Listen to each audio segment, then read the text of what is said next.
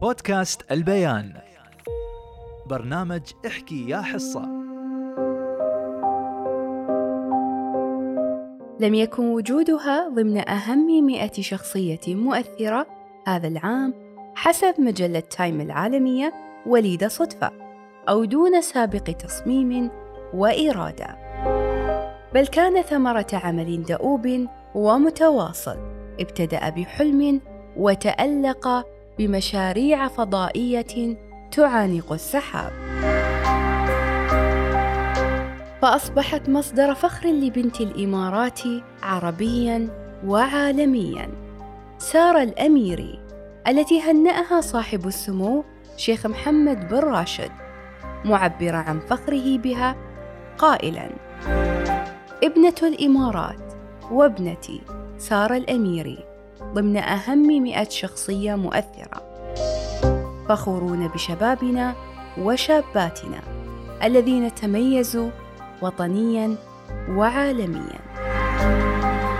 لطالما شعرت بشغف عميق بالفضاء عندما كانت طفله كبر الحلم بداخلها ومعه كبر تصميمها لتكون مصدر إلهام لشباب المنطقة. ولتمهد الطريق للاستكشافات العلمية فبعد تخرجها من المدرسة الثانوية عام 2004 التحقت بالجامعة الأمريكية في الشارقة. وحصلت على درجتي البكالوريوس والماجستير في هندسة الكمبيوتر أحد أبرز اهتماماتها الدائمة. وقتها لم تدرك سارة أنها ستدخل مجال الفضاء. إلى أن حضرت إلى مقابلة في مركز محمد بن راشد للفضاء في دبي عام 2009 وأوضحت عن دورها في المركز الذي كان قد تأسس قبل ثلاث سنوات فقط. قائلة لقد وقعت عليه بالصدفة. وجدت إعلانا لجهة تحتاج إلى مهندسين.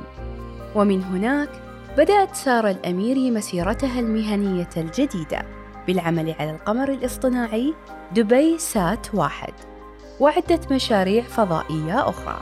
أثبتت فيها جدارتها فاستحقت اختيارها في العام 2015 من بين خمسين من العلماء الرواد الشباب من قبل المنتدى الاقتصادي العالمي. عرفانا لمساهماتها في جهود التنمية في مجالات العلوم والتكنولوجيا والهندسة. وبعد هذا النجاح المستحق صعدت سريعا سلم المناصب لتتولى منصبها الحالي. وزيرة دولة للتعليم العام والتكنولوجيا المتقدمة. ورئيسة لمجلس إدارة مؤسسة الإمارات للتعليم المدرسي. ضمن التغيير الهيكلي الذي أعلن عنه مؤخرا لقطاع التعليم في الإمارات.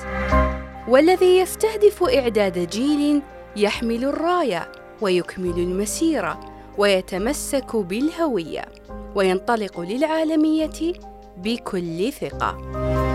وسيظل الأنجاز الأكبر لبنت الإمارات سارة الأميري قيادتها فريق مسبار الأمل لاستكشاف المريخ والتي تكللت مهمته بنجاح في رحلته التاريخية إلى الكوكب الأحمر مسطرا إنجازا جديدا للإمارات والعرب بعد أن عانق طموح زايد الفضاء برؤية القيادة الرشيدة وعزيمة وإرادة شباب الإمارات.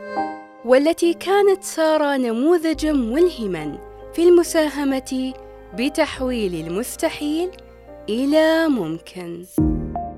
بودكاست البيان حين يلامس الصوت الخيال.